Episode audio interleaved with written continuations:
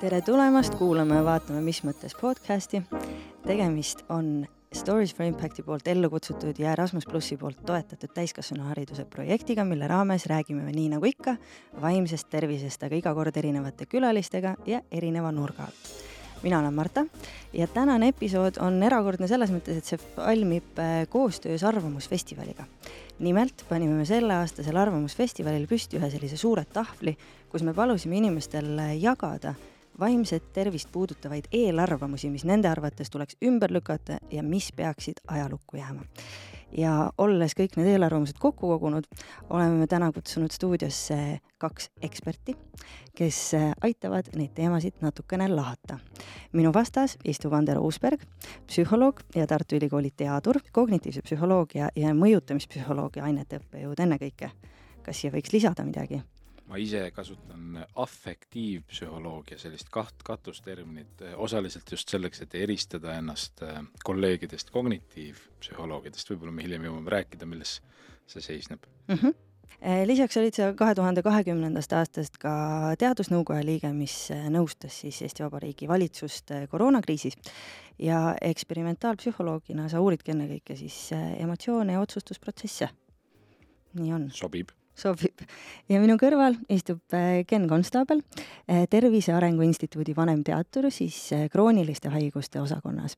aga mitte ainult, vaid ka Tervise Arengu Instituudi aastapreemia laureaat, sest Ken on ka pühendunud vaimse tervise valdkonna eestvedaja ja Eesti Psühholoogide Liidu president. tere tulemast, Ken! tere! väga tore, et te siin olete. ma sellise sissejuhatava küsimusena alustan võib-olla sellest, et kuna see kõik äh, Arvamusfestivaliga niimoodi alguse sai, küsin, mis on teie enda kogemus äh, seoses Arvamusfestivaliga, olete te seal äh, aktiivselt osalenud ka? Ander, alustame sinust. no alustame minust, minul on väga soojad kogemused, olen mitu aastat rõõmuga osalenud tuleb ausalt ära tunnistada, et osalen meelsasti edevamas rollis, et eh, kui kutsutakse mõnel teemal kaasa mõtlema, siis, siis mulle see meeldib. Ja lisaks edevusele on seal tõesti võimalik sattuda aru saama nagu laiendavatesse aruteludesse, et, et üks näide on mul selline, kus mind kutsuti kaasa mõtlema teemal, mismoodi riigi sellised kriisiolukorras kasutatavad infokanalid, äh, sealhulgas siis äh, selline telefon, kuhu me saame helistada, mis koroona ajal sai populaarseks, aga on ka tegelikult kogu aeg olemas, et, et kuidas see toimib ja kuidas sellest mõelda. ja ma ei olnud kunagi nii põhjalikult äh, mõelnud selle peale, et mis, mis, mis rollis üks selline nagu kanal võib olla ja kuidas selle kanali mm.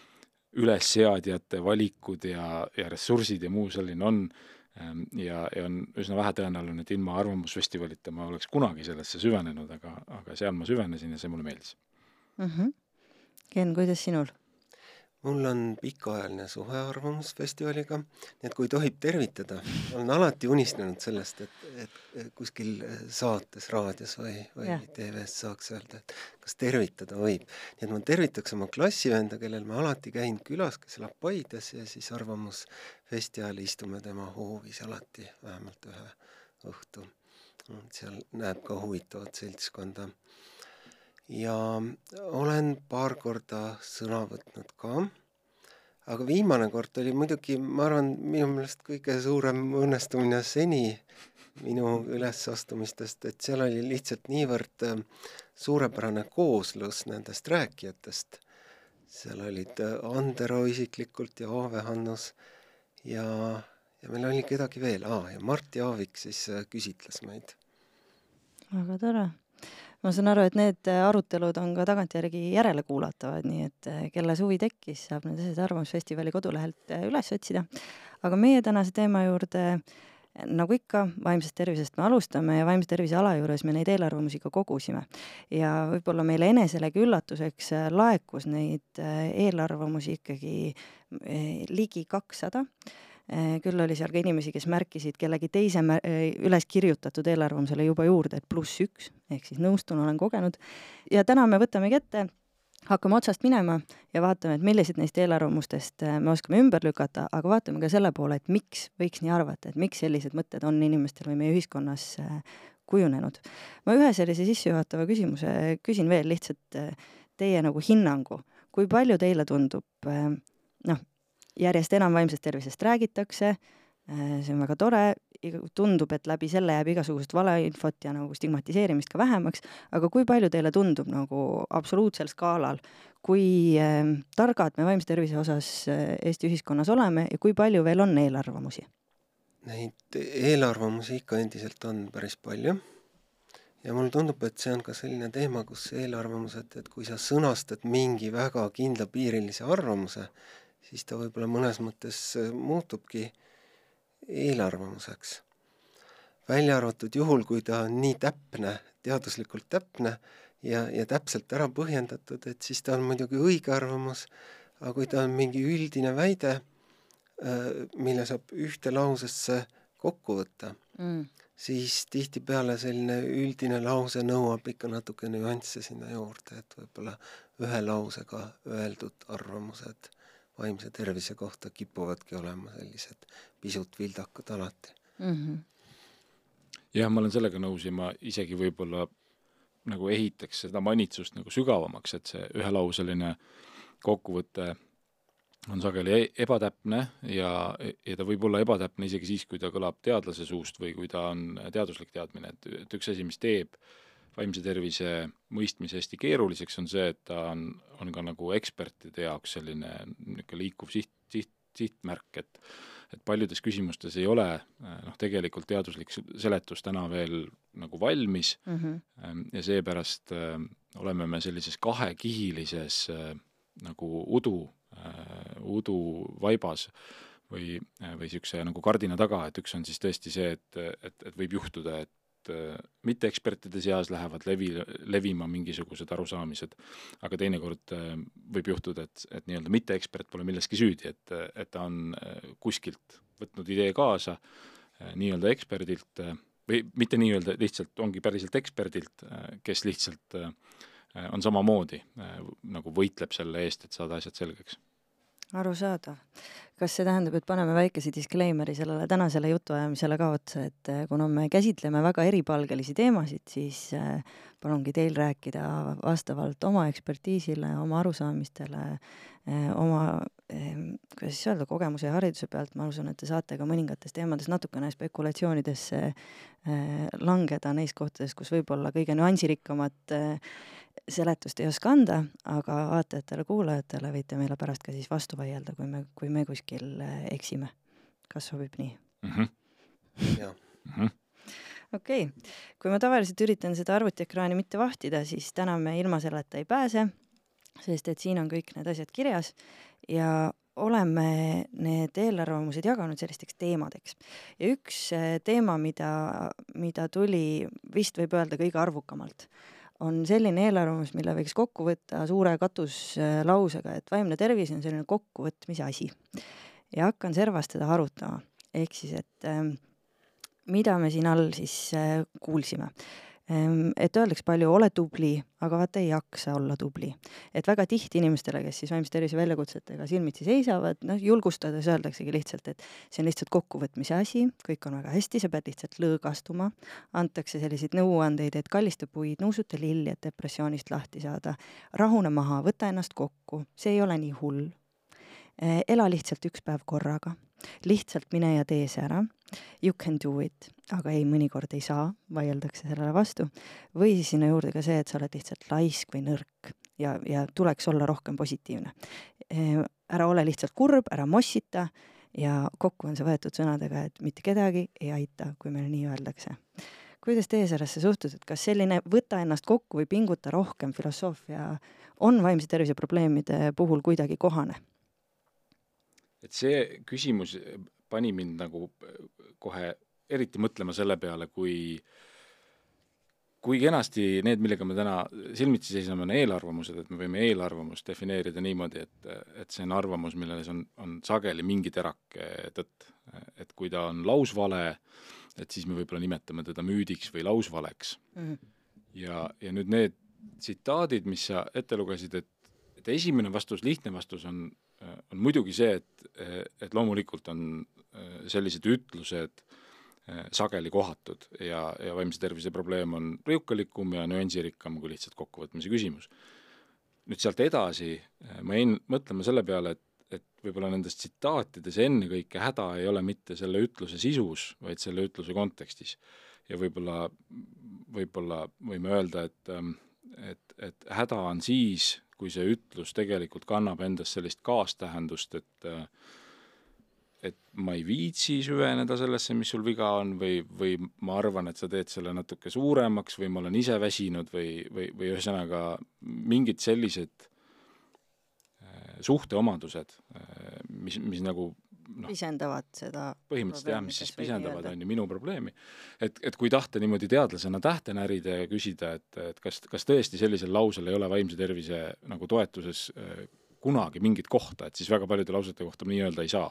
ma täitsa kujutan ette, et, et äh, sellise toetava teraapia protsessi õigel hetkel see äh, mõte, et sa saad sellega hakkama, et sul on see jõud tegelikult ja ja, ja leia endas see jõud üles, eks ole, on, on hea mõte. mine metsa ja kallista puid on mitmes kontekstis hea mõte.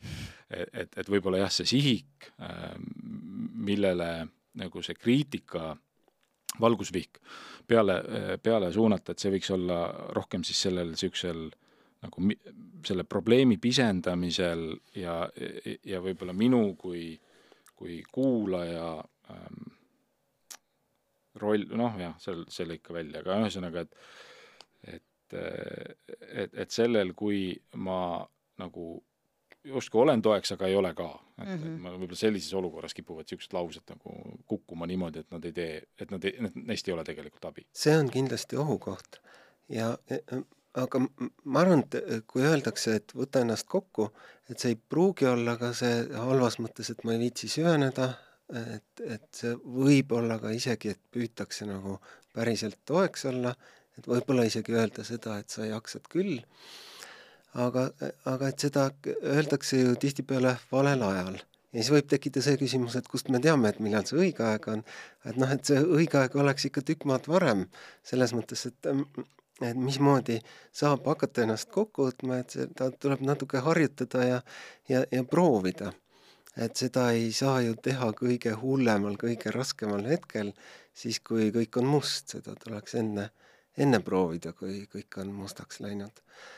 ja, ja et see kokkuvõtmine, et kui me püüaks selle, selle eelarvamuse sõnastada nagu vastandina, et ära võta ennast kokku, lase minna, ole kurb ja, ja ära püüagi midagi ette võtta. et siis see oleks nagu äh, mõnes mõttes võib-olla veel hullem. või noh, igal juhul ta oleks ka ju vale, et mm. keegi ei, ei, ei taha nagu seda ka öelda, et, et niipidi peaks võtma. et ma arvan, et see, see nagu õige asi on kuskil seal vahepeal, aga mitte päriselt keskel, vaid see ajastuse küsimus siin on oluline, et et see kokkuvõtmise aeg on mingi teine kord, mitte, mitte siis, kui on kõige hullem et nii põhimõtteliselt võib mingis kontekstis öelda, aga kõige olulisem on see, et me süveneme reaalsesse olukorda, reaalsesse seisundisse, reaalsesse väljakutsesse. jah, siis jäin seda kuulama, et see on nüüd ka võib-olla äh, ko nagu kohatult nõudlik ähm, resümee, eks ju, et me peaksime igal sammul olema valmis süvenema kõigi oma mm. kaasteeliste probleemidesse, et võib-olla isegi natuke turvalisem resümee on see, et ähm, et mitte eeldada mitte midagi. et noh, kui mul on aega süveneda, siis see aitab mul sellest eelduse äh, riskist üle saada ja kui mul ei ole aega süveneda, et siis, äh, et siis on, siis on lihtsalt okei okay käsitleda inimest peamise eksperdina, et kui inimene räägib, eks ole, et kuidas tal on, et siis, siis ma sellest lähtungi. ja, ja isegi kui võib-olla arvan, et noh, see asi on natuke nüansirikkam ja võib-olla siin, kuidas sa asjadest mõtled, on ka asjaga seotud, aga, aga et kui, kui ma ei ole selles äh, hetkes ähm, ja siin see süvenemine ei ole ju ainult nagu motivatsiooni küsimus, see on ka võimaluste küsimus, et Just. kui, kui meil ei ole aega või kui meil ei ole selline suhe või kui mul ei ole selliseid teadmisi. või mul ei ole selliseid teadmisi, jah. et siis aktsepteerida teist, teist inimest mm. -hmm. mitte tingimata vaielda teise inimese, kuidas me siis ütleme, tunnetega ma, mulle tundub, et ma hakkan siin läbivalt tegema väga riskantseid statement'e, nii et äh, väga hea, siis meil on materjali. just. okei okay,, aga võtame järgmise ehm,, kus äh, panin ühtekokku mõned, loen jälle tsitaadid ette.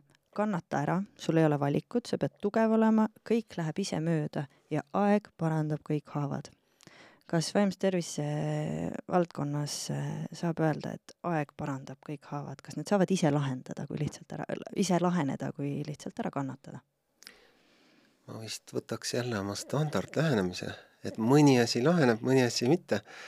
Äh, et kõiki haavu ilmselt aeg ei paranda ja teine asi, et need ähm, ja on asju, mis ise ikka ei hakka paranema, et tuleb midagi teha selleks, et läheks paremaks et äh, selles mõttes mulle tundub siin äh, mingisugune iva on mõne asja puhul näiteks, et kui on mingi selline akuutne tüli, siis see aeg äh, teeb paremaks, kui me sellega ei tegele mõnda aega. et see võib olla täiesti hea mõte. ja, ja või kui on lihtsalt mingi väga keeruline olukord või siis see, et, et hommik on õhtust targem, et, et värske peaga on asju kergem lahendada. sellise üldreeglina ma ei usu, et, et aeg enamikku asju ise hakkaks parandama, et sama hästi võib äh, asi hullemaks minna ja, ja kuhjuda, kui me samal viisil äh, jätkame, et, et siin on nüansse, jah. jah, üks näide sellest, kuidas aeg ikkagi kipub asju parandama, on, on see, miks me uurijatena vajame aktiivseid kontrollgruppe, et kui me tahame tuvastada, et kas mingisugune, äh, mingisugune sekkumine töötab, et siis üks äh, loogiline lähenemine on uurida, et kuidas inimestel on, enne kui nad liituvad näiteks mingisuguse uue põneva lähenemisega, mis lubab nende vaimset tervist paraneda ja siis parandada ja, ja, ja siis pärast, kui nad on selle praktikaga tegelenud, küsida uuesti mm. -hmm ja hästi sageli, kui niimoodi teha, siis selgub, et, et on paremaks läinud. Ja võiks järeldada, et see, mida siis inimesed praktiseerisid, on põhjuseks. aga siin tuleb olla ettevaatlik ja, ja teha kindlaks, et järsku oleks niisama ka paremaks läinud, üks viis seda siis teha on, on leida samaväärne grupp inimesi, keda mõõta nendel samadel hetkedel, ilma et nad vahepeal siis praktiseeriks seda, mis meid huvitab. Ja, ja, ja siis me saame sellise noh, võrdlusaluse, et kui palju siis see seisund äh, üldiselt niimoodi keskmisena kipub äh, paranema, aga see tõesti, äh, see seaduspärasus kehtib keskmise valimine nagu keskmistatud numbrite kohta väga sageli peidab endas seda, et, et paljudel inimestel ei lähe paremaks ja muidugi nii, nagu Ken ütleb, et see sõltub probleemi olemusest. ma siis julmalt üldistan ja teie parandage, onju. ehk siis, et kui me räägime näiteks kergemakujulisest depressioonist või mingist meeleoluhäirest, siis meil on mingi õigustatud ootus, et võib-olla mingi aja jooksul läheb paremaks, aga kui me räägime mingisugusest äh, tõsisemast häirest, ma ei tea, räägime me aktiivsest tähelepanuhäirest, räägime skisofreeniast, mingisugusest sellist, sellisest äh, nagu eripärast, juba toimimise eripärast, siis äh, aeg iseenesest äh, ei muuda seda, kuidas inimese aju toimib, kas nii võime öelda? ei, muidugi ei või, eks, eks ta ikka muuda. Aga et suures pildis ähm, äh, olen nõus selle erisusega, mis sa teed, et on, on selliseid äh, võib-olla igapäevatoimetamist nagu rohkem segavaid äh, probleeme, millega võiks nagu äh, abi otsimist noh, kaaluda esimesel võimalusel äh, versus on ju mingid niisugused asjad, mis on natukene leebemad, nii, nii-öelda mm, -hmm. mille, mille puhul võib äh, oodata ja vaadata, et äh, et selles on kindlasti mingi iva ja, ja, ja noh, kindlasti on jah, sisuline iva selles, et, et kui see probleemi põhjus on noh, hästi lihtsalt öeldes, kui see on minust väline, eks ju, et kui, kui ma tõesti olen sattunud väga kurba või, või raskesse seisu, siis need seisud ikka kipuvad, kipuvad muutuma, eks ju, ja on lootus, et see nii ei jää. võib-olla põhjus on kuidagi ära, äratuntavalt noh, minu sees või minu, minu nagu mustrites, bioloogilistes või psühholoogilistes, et siis äh, tõesti on vähem lootust, nad nagu iseeneses äh, muutuvad, et tasuks neid muutma asuda me eelmises saates oli külaliseks ka, olid siis eh, Helen Lotman ja Katri Evelin Kalaus, kellega me rääkisime teemast, kas kunstnik peabki hull olema.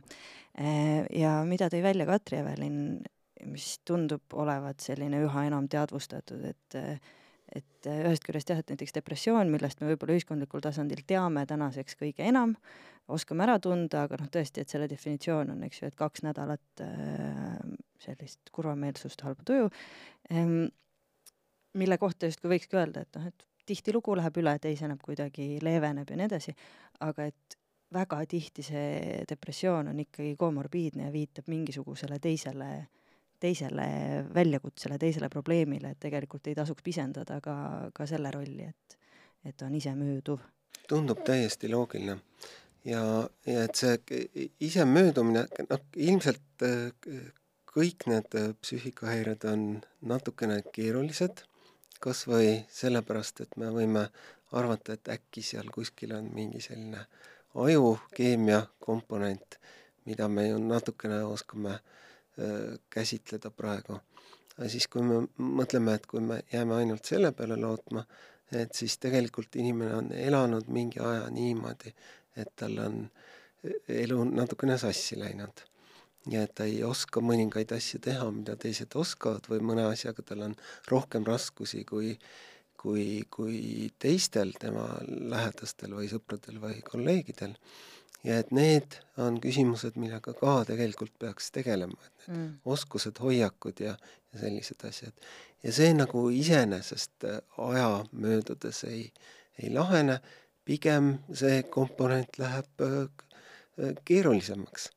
Oletame näiteks, et küsimus on sotsiaalsetes oskustes või siis, et küsimus on mingites, ma ei tea, emotsioonidega toimetuleku viisides näiteks ja, ja eks need oskused tekivad siis, kui proovida ja katsetada, nagu jalgrattaga sõitmine.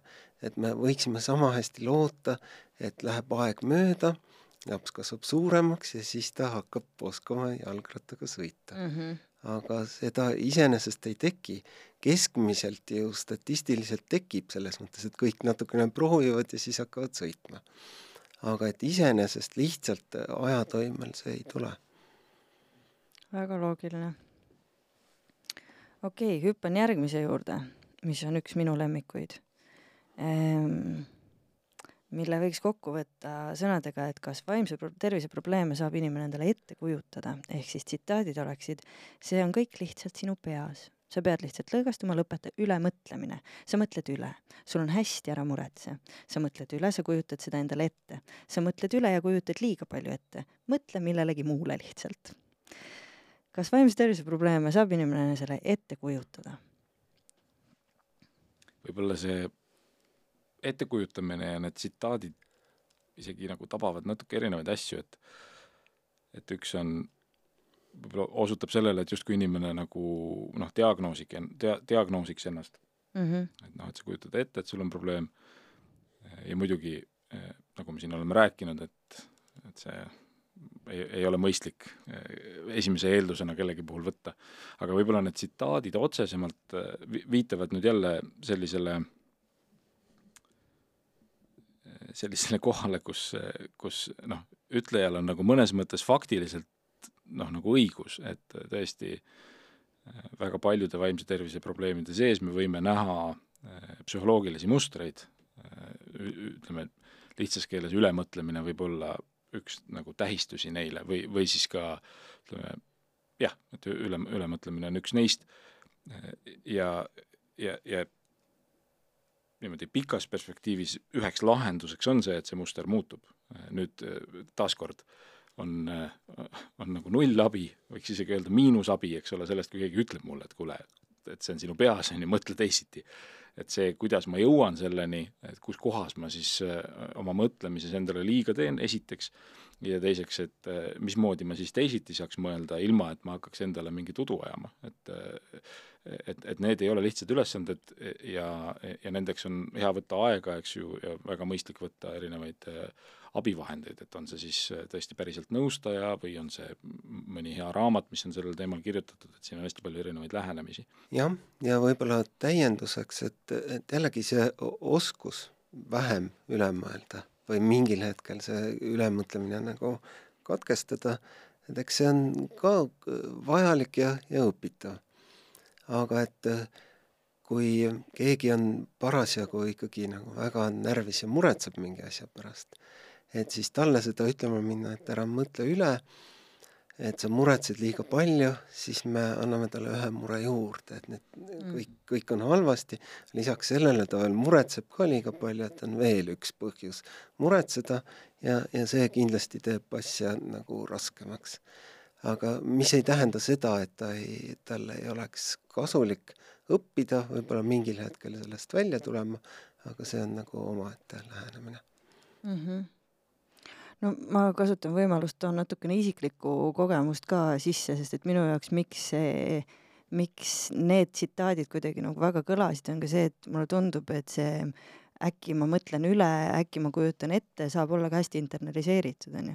ehk siis, et äh, mina ise olen üsna hiljuti täiskasvanueas saanud ATH diagnoosi, onju, millele eelnes lihtsalt noh, päris suur osa elust, kus, äh, kuna üldine narratiiv on see, kõigil on raske. Kõigil on raske, kõigil inimestel, noh, elu ongi raske. ja siis sa võidki elada hästi pikalt niimoodi, et sa mõtledki, et no aga kõigil on raske. E, ja noh, et võib-olla ma kujutangi ette mm. -hmm et see võib olla päris reaalne konflikt ka vaimse tervise väljakutsega siis kannatavate inimeste nagu sees tegelikult. et no aga kõigil on ju raske, mille poolest siis mul raskem on mm. -hmm. et see on minu jaoks selline imelik aspekt selle juures, et kust ma siis tean, et kõigil teistel see asi tegelikult ei ole nii raske, kõigil teistel ei ole nii raske, ma ei tea, emotsiooni reguleerida näiteks. et meil ju noh, me elame ainult oma kehas, meil on ainult meie oma aju ja meil tegelikult ju puudub objektiivne võimalus seda kellegagi võrrelda, ju. Mhm. Jah, see toob meid selle probleemi nagu määratluse juurde, eks ju, see, et et kas me paneme endale või laseme kellelgi teisel endale panna mingisuguse kategooria määratluse, ütleme, et, et meil on see nüüd häire või, või seda mm -hmm. tüüpi probleem ja mida see meiega teeb. et, et ühelt poolt on see hästi normaliseeriv või, või, või ütleme jah, nagu sinu reaalsust selgitav, kui sa saad, saad teada, eks ju, et et on mingisugune selline nagu mehhanism minu sees ilmselt äh, ja, ja see seletab mingisuguseid asju ja mingeid seaduspärasid. ja annab mulle mingeid nagu võimalusi.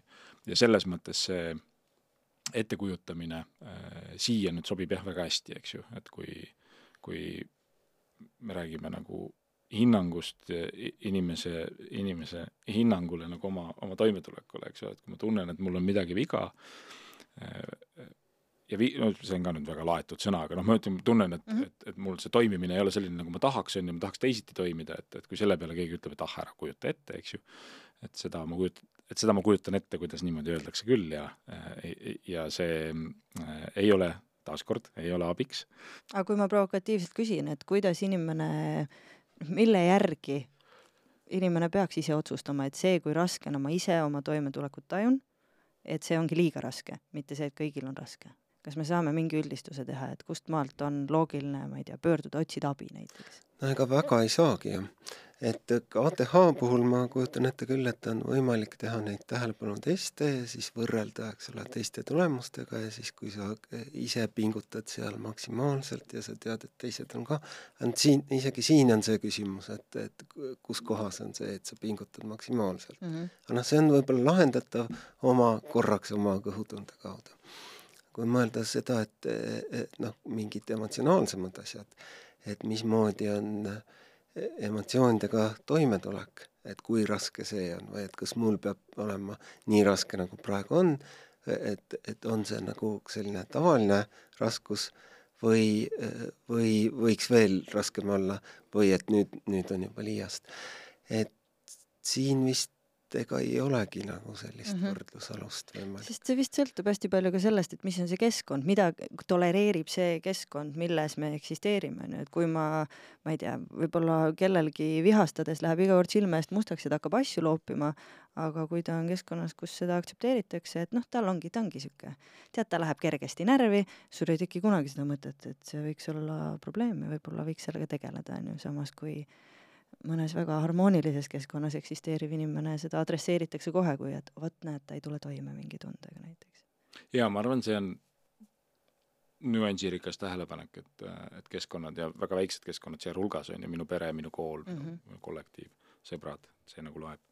ma jäin ise nagu mõtlema selle peale, et, et kas see kõlab väga naiivselt, kuidas ma, kuidas ma oma peas selle, sellele küsimusele lähenen ja see, see lähenemine sisaldab seda, et me võime korra lauda tuua selle noh, mõnes mõttes niisuguse nagu trafaretse maailma Tervishoiuorganisatsiooni definitsiooni, on ju, et tervis ei ole ainult haiguste puudumine, vaid ka mingi plusspool. Ja ma olen enda jaoks seda plusspoolt püüdnud mõtestada niimoodi, et, et füüsilises tervises on see meile mõtlemises ja, ja keeles hästi käepärane, sest me ütleme, et ma olen vormis et ütleme, et mu keha, eks ju, võime panna niisugusele teljele, mille ühes otsas on, on keha, mis on haige ja mis ei tööta, kuskil keskel on keha, mis on terve, aga vormist väljas. ja, ja siis me liigume selle niisuguse nagu vormi poole. ja nüüd, kui me kanname selle nagu vaimsesse tervisesse üle, et, et siis võiks ka vaimses tervises öelda, et, et tegelikult ju võib-olla ei pea küsimus olema selles, et kas ma olen sellel teljes nullis või, või miinuses, vaid küsimus on lihtsalt selles, et, et noh, kui mul on vähegi aega ja, ja, ja energiat ja tahtmist, et ma tahan sellel teljel liikuda nagu vasakult paremale, et, et halvema seisu poolt parema seisu poole ja, ja see küsimus, et kas ma otsin abi selleks, et saada haigusest terveks või vabaks või õppida haigusega elama või ma otsin abi selleks, et olla vaimses mõttes paremas vormis, et seal ei ole nagu sügavat olemuslikku vahet, et tegelikult mm -hmm. ei ole võimalik defineerida seda piiri. jälle natuke liialdan, on äh, Äh, teatud vaimse tervise probleemide puhul, kus, kus see piir on ikkagi üsna selge, äh, aga, aga, aga paljude puhul ka väga ei ole. Äh, ja, ja seetõttu võib-olla ma inimesena ise ei peagi ennast noh, nii väga vaevama selle küsimusega, et, et, et mis kategoorias ma olen, vaid ma võin lähtuda sellest, et kui mulle endale tundub, eks ju, et mu igapäevaelu häirib mingisugune asi, et ma kipun olema liiga perfektsionistlik või ma kipun äh, Äh, prokrastineerima, kui loetleda niisuguseid nagu tavalisi, eks ju, asju, mida me väga ei, ei seostagi äh, nii-öelda vaimse tervise probleemidega või on need probleemide valdkonda, mul on mingid ärevused, mis ei luba mul asju teha või või ma äh, noh, ei ole mul energiat, nii edasi ja nii edasi, et et, et see on juba piisav selleks, et nagu minna ja uurida, et kuulge, et kas saab ka teisiti mm. -hmm. ja kui see uurima minek viib mu juba eksperdi juurde, et noh, küllap see ekspert siis oskab juba ise natukene öelda, et vot, et teie puhul siin on tõesti tegu eh, noh, sellise keerulise kompleksiga, mida tuleb üsna harva ette ja kui te soovite, me võime nimetada seda vaimse tervise on ju sündroomiks või häireks eh, või, või siis mitte mm. -hmm see WHO või Maailma Terviseorganisatsiooni definitsioon vaimse tervise kohta tegelikult annab eh, nagu mõne vihje ka selle kohta, et kuidas eri, eristada seda nulli siis eh, positiivsest poolest, et minu meelest seal on kolm asja. et üks on toimetulek igapäevaelu pingetega, eh, mis on muidugi niimoodi negatiivselt sõnastatud, selles mõttes, et see pinge on seal mm, -hmm. eks ole, see halb asi, et tulen mingi halva asjaga toime kuidas siia seda mõelda selliseks positiivseks, noh, ma ei tea, et tulen siis eriti hästi toime või niimoodi säran seda tehes. Äh, siis on seal veel, äh, suudan või suudab töötada tulemuslikult, mis mhm. on nagu lihtne kvantifitseerida, eks ole.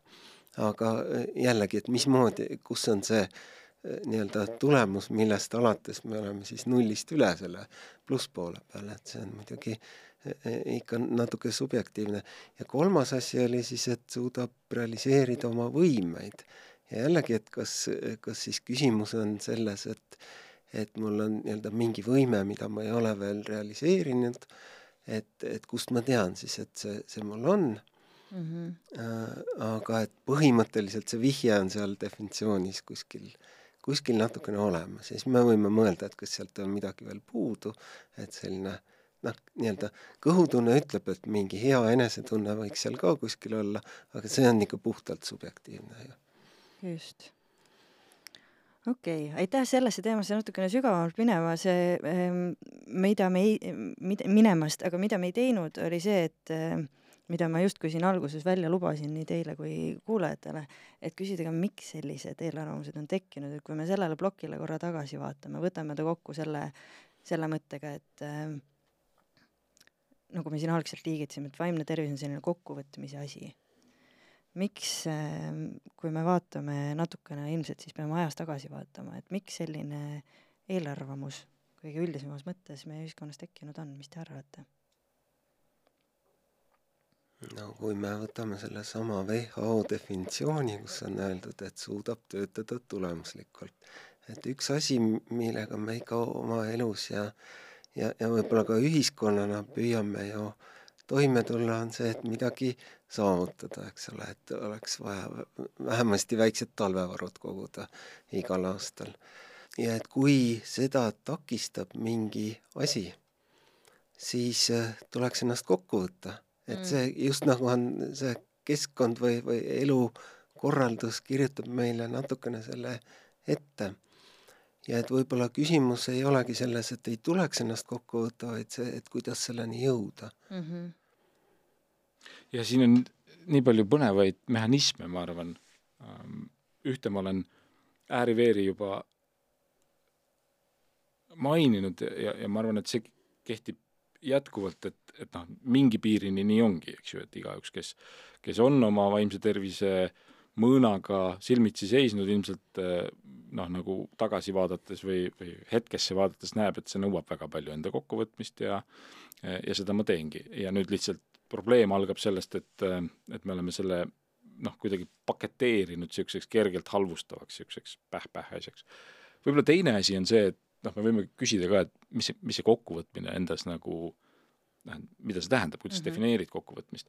ja, ja ma arvan, et rahulikult äh, määratledes enamus inimesi oleks nõus, et, et kokkuvõtmisel on lubatud kasutada abivahendeid. et ei ole nii, et kokkuvõtmine peab olema nii, et ühtegi, et internetti ei ava, istun mõtlen ise vastuse ja. välja, kelleltki ei küsi. jah mm -hmm., et selles mõttes nagu noh, siin ei ole isegi sisulist vastuolu justkui selle vahel, et öelda, et jah, võta ennast kokku, mine otsi abi. aga, aga muidugi see ei kõla niimoodi, keegi ütleb, et võta ennast kokku. et siin võib-olla on noh, nagu sarnane dünaamika nagu paljude selliste ähm, abivahendite arenguga, et, et lihtsalt kui ma ise olen Äh, üles kasvanud nii ja, ja mitmeid äh, väljakutseid seljatanud nii, et mul ei ole olnud seda abivahendit, et siis mulle tundub inimene, kes siis pöördub selle abivahendi poole, et äh, et noh, mõnikord mõni vanem inimene käib külas, meil on kodus nõudepesumasin, et, et noh, ma ei pane sinna, ma pesen ikka ise, ega mingi noh, mul käed-jalad otsas, eks ju. Mm -hmm et, et võib-olla natuke sarnane on ka selle, selle vaimse tervise noh, nagu teadliku äh, toetamisega, et noh, et ma arvan, ajast aega selleni me ilmselt võib-olla jõuame ka, et kas kas on, on ju vaimse tervise levimuses mingid muutused toimunud, aga noh, see on selge, et ajast aega on need probleemid olnud, inimesed on nendega silmitsi seisnud, on neid ka kenasti seljatanud. ja lihtsalt nõudepesumasinaid on vähem olnud ja, ja võib-olla see on siis istutanud mingi niisuguse natuke niisuguse jonnaka, eks ju, müüdi, millel noh, ühtegi head põhjust ei ole, kui me tegelikult mõtleme, et, et, et toimetulek ja enese kokkuvõtmine noh, võiks kasutada kõiki võimalikke vahendeid. just. Okei okay vaatame siis järgmisse, järgmisse domeeni, mille me niimoodi väga üldistades oleme kokku võtnud emotsioonide väljendamiseks. ehk siis ähm, loen ette mõned tsitaadid, üks selline väike komplekt. mehed ei nuta, poisid ka mitte. see oli muide märgitud sellisena, et keegi oli kirjutanud mehed ei nuta ja teine inimene oli juurde kirjutanud poisid ka mitte, nii et puudutas äh, mitmeid inimesi. mehed ei tohi nutta, mis mõttes, nutavad ainult tited ja keegi on lisanud, et ei nuta ainult sisalikud nii et kui me vaatame sellesse nutmisse, siin on ta hästi seotud äh, sooga, mida võib täiesti eraldi adresseerida, aga võib ka üleüldisemalt vaadata, et millist funktsiooni nutmine tegelikult psüühikas kannab. kas see on kõigile lubatud ja vajalik või peaks see kuidagi reguleeritud olema? no nii palju, kui me teame, siis äh, ei ole ju jah niimoodi, et, et evolutsioon noh, näiteks isasloomadel oleks pisarakanalit niimoodi noh, välja arendanud või, või, või, või mitte välja arendanud. et ähm, no see soo aspekt on muidugi huvitav äh,. aga ma vastan su esi-, sellele küsimusele võib-olla selle funktsiooni kohta, et mm -hmm. ma kõiki, kõiki teooriaid ei tea äh, ja, ja spetsiifiliselt nagu nutmise kohta mul nagu ka väga head vastust ei ole, et see vastus, mis mul on, on, on seotud ikkagi emotsiooni väljenduse niisuguse sotsiaalse funktsiooniga, et et see, et, et emotsionaalsed seisundid kipuvad panema meid tegema asju, mida teised näevad, ja kui me neid ei tee, siis me ütleme, et me reguleerime oma emotsioone, on ju, surun oma nuttu alla või, või jooksen ruumist, et teised ei näeks, mis, mis tunnet ma kogen et see on ka äh, tõestus sellest samast asjast, et emotsionaalse kogemuse niisugune olemuslik osa on see, et ma nagu noh, näitan teistele midagi välja ja, ja see teeb midagi teistega, et, et, et ma arvan, et seda on ka hästi lihtne endas ära tunda, et noh, kui sa ei ole just tõeline kalestunud, kalestunud ma ei tea, sõdur, et siis et siis teise inimese emotsiooni nägemisega kaasneb ka mingisugune mingisugune nagu tahtealge midagi teha, et ja, ja noh, nutvat inimest nähes see tahtealge enamasti on aidata, ja seal omakorda muidugi võivad tekkida minul endal soovid seda tahtealget reguleerida, on ju, ma kuidagi arvan, et ah, ma nüüd tegelikult ma ei viitsi sind aidata ja, ja siis ma hakkan endale otsima seletusi, et miks mul ei ole, ei oleks seda vaja teha. nii et kindlasti selle nutmise üks funktsioone on noh, sisuliselt äh, suhtlus, abi kutsuda jah. Mm, -hmm. et äh, kontakti, kontakti käivitada ja see on ka Jaak Panksepa teooria, et kust see äh, nutmine tuleb, et kui väike olend jääb metsas üksi, siis on tal ja, ja vaatab, et kedagi suuremat ei ole läheduses, siis tal on tõesti mõistlik nii kõva kisa teha, kui vähegi võimalik et see on, see on nagu üks mõistlikumaid asju, mida selles olukorras teha. ja muidugi siit me jõuame selleni ka, et miks täiskasvanud keskmiselt ikkagi nagu lõppkokkuvõttes vähem nutavad. Et nad esiteks saavad ju ise sageli sellises olukorras hakkama või siis, et ei ole nagu seda, seda suuremat, kelle peale äh, annaks rohkem loota. ehk siis, et mingit pidi, ega see nutmine, noh, eks ta on nagu märguanne ja sellisena äh, ta, me ju võikski seda võtta, et see annab märku sellest, et keegi on üsna abitus olukorras ja tunneb ennast niipidi. aga kas äh, sellel on mingi selline, mm, ma ei leia head eestikeelset vastet Mm, noh, nagu protsessimise või selline, ma ei saa, ma ei taha öelda puhastamise, aga mingi selline nagu ütleme siis jah, see kõlab võib-olla suurejoonelisemalt, aga aga et ütleme siis, kui ma võtan kinni sellest äh, kommunikatsiooni aspektist nagu emotsioonide väljendamisel, ütleme, et me praegu vaatame nutu peale, kas sellel on vahe, kas inimene näiteks lubab endale nutmist teiste juuresolekul või üksinda?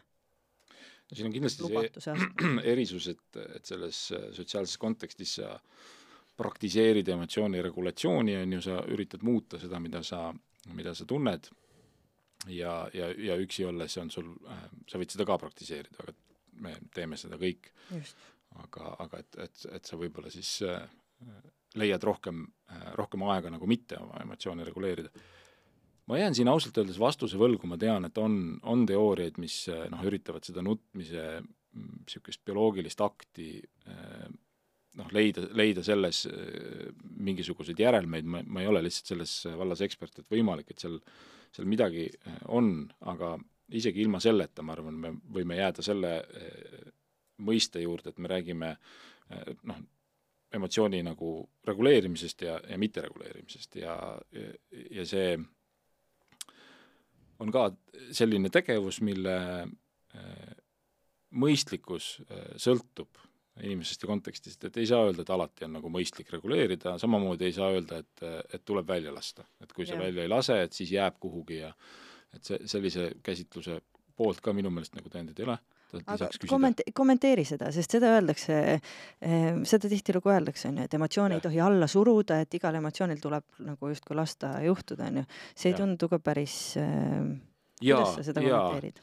no mina kommenteerin seda eh, kasutades kasutades siis erisusi erinevate emotsiooni reguleerimise nagu võtete vahel, et tegelikult äh, seda on teadlased uurinud küll, et kui püüda oma emotsiooni reguleerida niimoodi, äh, et ma lihtsalt üritan teda nagu ära kannatada või alla suruda, see seostub sellega, millest me enne rääkisime, et et ma ei võta ette midagi, mis muudaks neid mehhanisme või neid põhjuseid, miks me, miks ma emotsionaalselt reageerin, vaid ma lihtsalt üritan teda kas siis noh, füüsiliselt varjata mm -hmm. või isegi kuidagi mentaalselt noh, nagu olematuks teha mm. -hmm.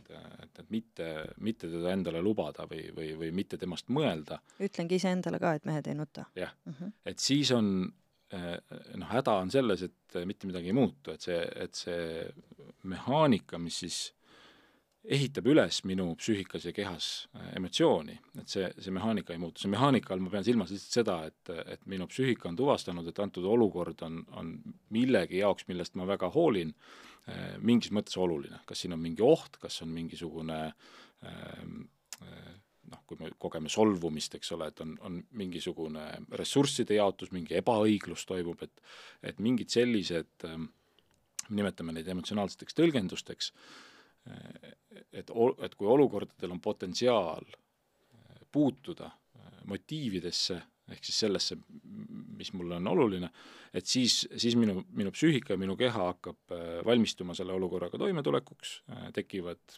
sellised soovid maailma muuta ja, ja, ja täitsa füsioloogiliselt keha hakkab valmistuma selleks maailma muutmiseks. Ja nüüd, kui ma lihtsalt üritan endale öelda, et et ei, et äh, ei ole nii et siis see tavaliselt äh, ei aita ja, ja siis võib tõesti öelda seda, et inimene noh, näiteks on, on selles füsioloogilises niisuguses ergastusseisundis niimoodi tundide kaupa. Ähm,. Aga õnneks on võimalik emotsioone reguleerida ka niimoodi, et, et natukene rohkem sellesse mehaanikasse sisse minna, noh üks variant on ikkagi proovida seda, seda probleemi kui sellist ära lahendada, eks ole, et kui mul on kellegi peale hirmus, hirmus tige, et siis ma võib-olla püüan sõnastada, et miks ma solvusin ja vaadata, mis edasi juhtub. Äh, ja, ja teine variant on siis noh, see, millest ilmselt tuleb ka edaspidi juttu juba otsapidi on ka olnud, et et vaadata, et kas see, kuidas ma seda maailma näen, et see, mismoodi ma teda tõlgendan, et kas see on olnud nagu päris adekvaatne. ja need emotsiooni reguleerimise viisid, et, et nendel ei ole väga palju nagu negatiivseid tagajärgi mm. tuvastatud, et nendega ikkagi ma sekkun sellesse samasse noh, nii-öelda pumpa, mis mul äh, vererõhu ja, ja hingamisrütmi nagu üles keerab ja, ja, ja sellel ei ole sellist noh, niisugust nagu kuhugi suletud purki, eks ju, energia koondamise niisugust ähm, tagajärge. see viha väljaelamine on üks teema, mis on natuke teistmoodi kui, kui ma arvan, nutmisega. seepärast nutmisega võib ette kujutada, et on mingid kohad, kus ütleme, keegi tuleb lohutama ja siis läheb, tegelikult lähebki paremaks või siis on, aga viha selline agressiivne väljaelamine ikkagi suurendab agressiivsust, et see ei maanda seda. et aga et, et mis võib äh, nagu ähm, äh, seda agressiivsuse või viha põhjust vähendada, on võib-olla ka mingis, mingil moel vihane reageerimine, aga selline rahulikult vihane, et ma ütlen, et siin kohas on, on see piir, kus, kus, kust sa edasi ei tule. et et, et ma arvan, et see võib viha põhjust vähendada küll mm. -hmm okei okay,, aga võtame siit järgmise emotsiooni, tuju peab kogu aeg väga hea olema. selline fantastiline eelarvamus, mida inimesed on kogenud. kas tuju saab kogu aeg väga hea olla? no ei saa, kui, kui eks tuju ju definitsiooni järgi peaks sõltuma keskkonnast. muidu oleks imelik, kui tuju üldse keskkonnast või sellest äh, situatsioonist ei sõltuks, eks ole, püüame seda ette kujutada, et kuidas oleks nii, et kogu aeg on suunurgad kõrvuni mm. -hmm. vaatan sõjauudiseid ja, ja muudkui naeratan. jah mm, -hmm. See, see oleks vale ju tegelikult, nii ei saa ja me ütleme, see, see on selles mõttes tore viis, kuidas sa sõnastad, et mõnes mõttes me ju meeleoluhäiret defineerimegi niimoodi, et tuju, mis püsib all, vaatamata sellele, et olukord tegelikult mm. ei ole mhm. alati nii halb. aga et see siis kehtib tõesti ka selle plusspoole peal ja, ja, ja siin on äh, see noh, võib küsida, et noh, et aga see on nii kahjutu, et mis selles siis halba on, et ma ütlen, et endale ja teistele, et hoia saba rõngas ja nina püsti ja jaa mm, -hmm. ta on ole vait ja hoia tuju on üks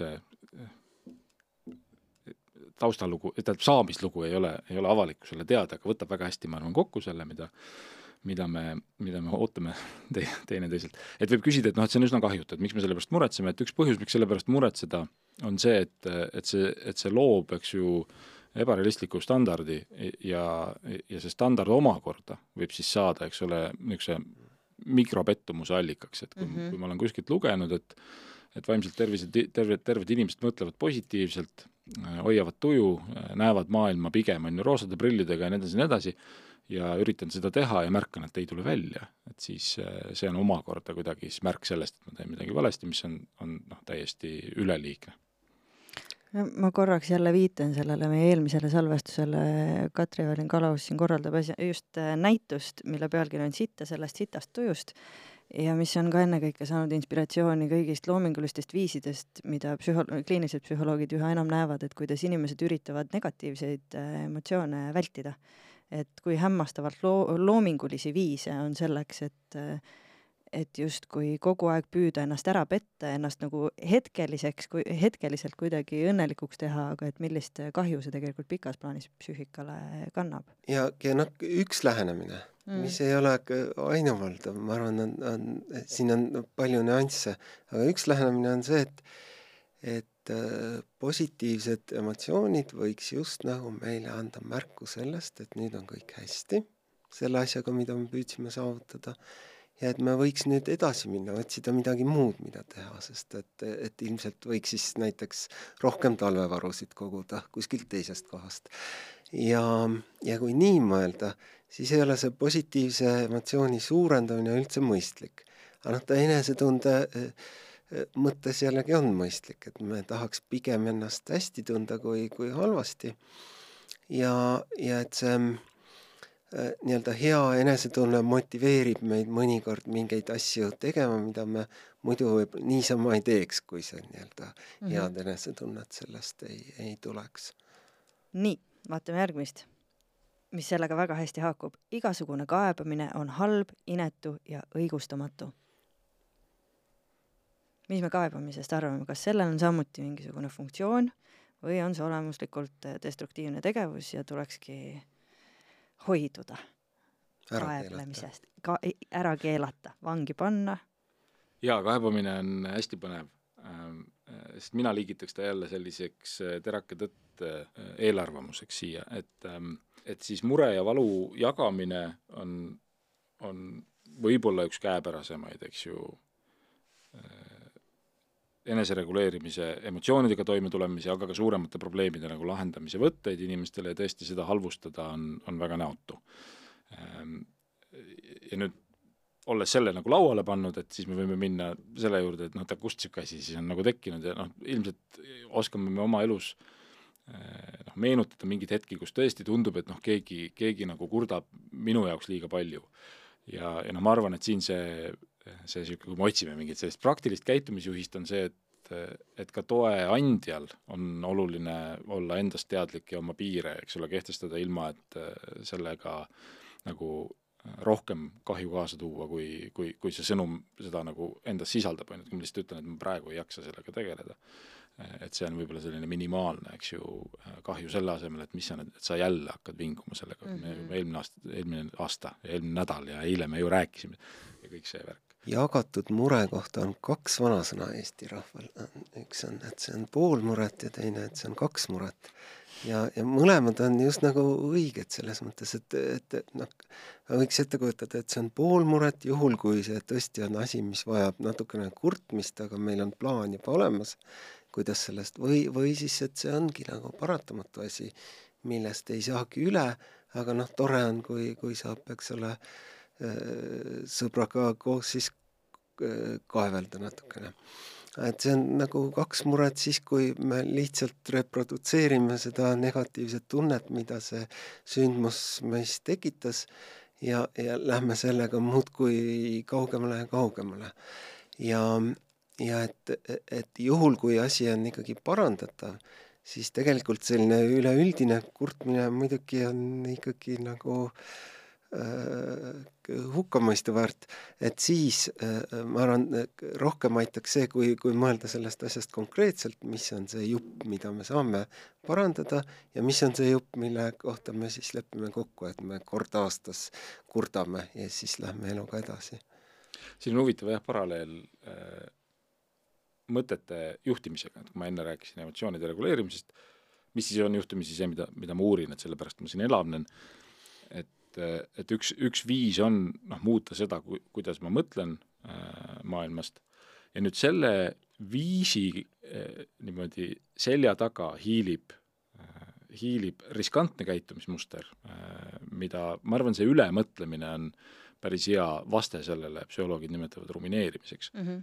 ja, ja, ja nende sellise nagu konstruktiivse mõtete juhtimise ja rumineerimise erinevus, mulle tundub, on hästi sarnane sellele, mida Ken ütles, et, et see, et see ei ole, et see erinevus ei ole selles, et, et kui palju ma mõtlen, et mõlemad võivad olla küllalt intensiivsed nagu mõtted ja, ja mõlema fookus on nagu sama, et ma vaatan, kuidas mina maailma näen, aga et ühel juhul on see nagu lahenduskesksem mm -hmm. ja, ja ta otsib äh, alternatiivseid viise ja ei jää kinni äh, selle noh, niigi äh, probleemse mustri niisugusesse nagu sügavuti sissekäimisesse. ja nüüd, kui ma seda erinevust ütlen, siis on noh, kui kuulata ja küsida, et oota, anna mulle nõu, kuidas ma ühte väldin ja teist teen, et see on tegelikult päris raske, et see ei ole, ei ole selline ühemõtteline, ma arvan, see kandub üle ka siia inimestevaheliste asja, et, et noh, mõnes mõttes on lihtne öelda, et jah, et kui see kui see mure jagamine on selles mõttes lahenduskeskne, et noh, üks variant on see, et me saame koos maailma muuta, teine variant on see, et, et vestlus sinuga aitab mul oma mõtetes selgusele saada ja mul oma mõtteid Just. muuta, et see kõik on väga konstruktiivne, aga et kui see mure jagamine eh, noh, jääb liiga kauaks sellesse, et ma tahaks lihtsalt eh, sellist valideeringut, on ju, et mm, -hmm. et sina ütled mul, et ka sina ütled, et see on väga nõme, mis minuga juhtus, jällegi, ka sellel on oma aeg ja koht, eks ole, ei saa öelda, et seda nagu kunagi ei oleks vaja, et selles mõttes on see, on see nagu eh, väga raskesti eristatav, see konstruktiivse ja ebakonstruktiivse piir, mis ilmselt ongi andnud äh, alust äh, selliseks eelarvamuseks.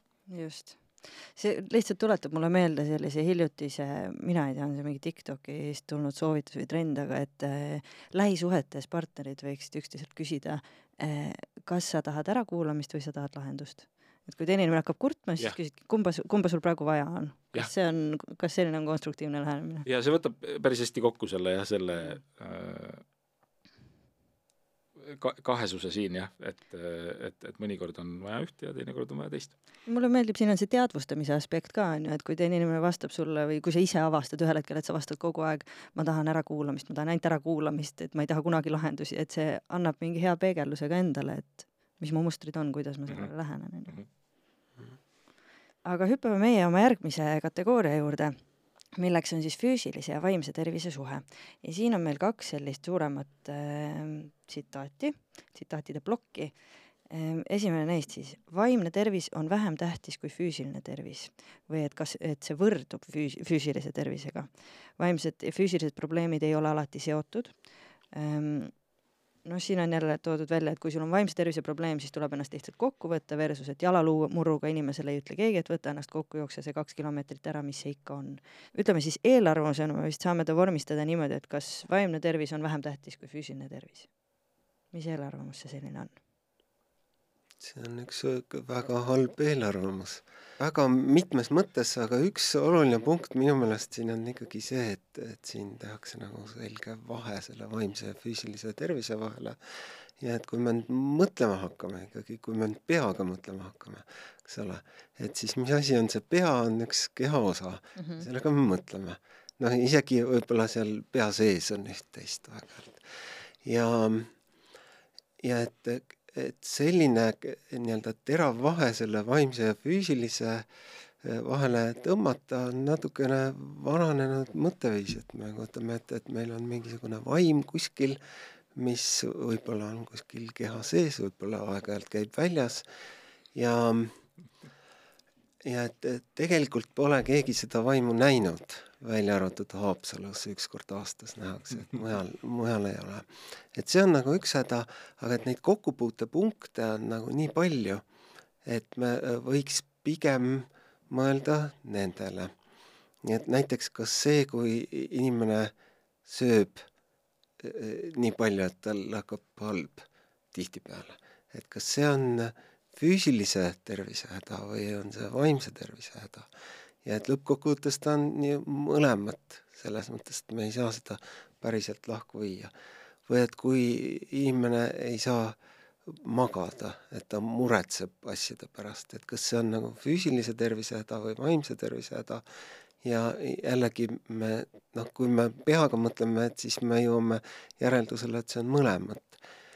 Ja või, või siis, et kui ta, eks ole, jookseb külma ilmaga ja, ja külmetab selle tõttu ja, ja, ja ei tule õigel ajal tuppa, vaid tahab oma kümme kilomeetrit täis saada.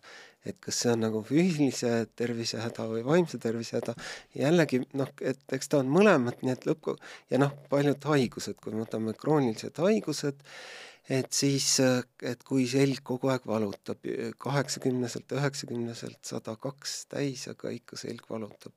et see on tegelikult ju asi, mis mõjub vaimsele tervisele ka, eriti kui see pikka aega kestab.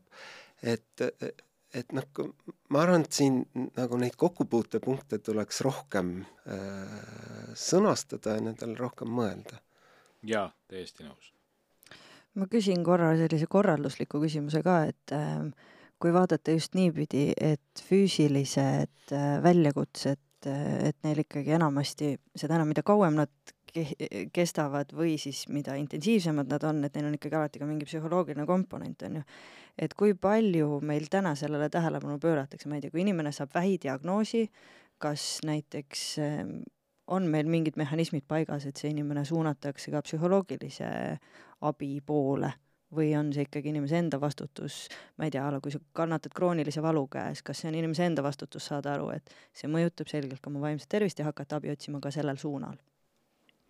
Või jälgivad spetsialistid ka seda? praegu on natukene selline juhuse asi, et kui satub hea spetsialist, kes oskab sellele tähelepanu pöörata, et siis ta suunab edasi. aga et see võib olla ka lihtsalt see suhtumine, et kannata ära või ei pea vastu.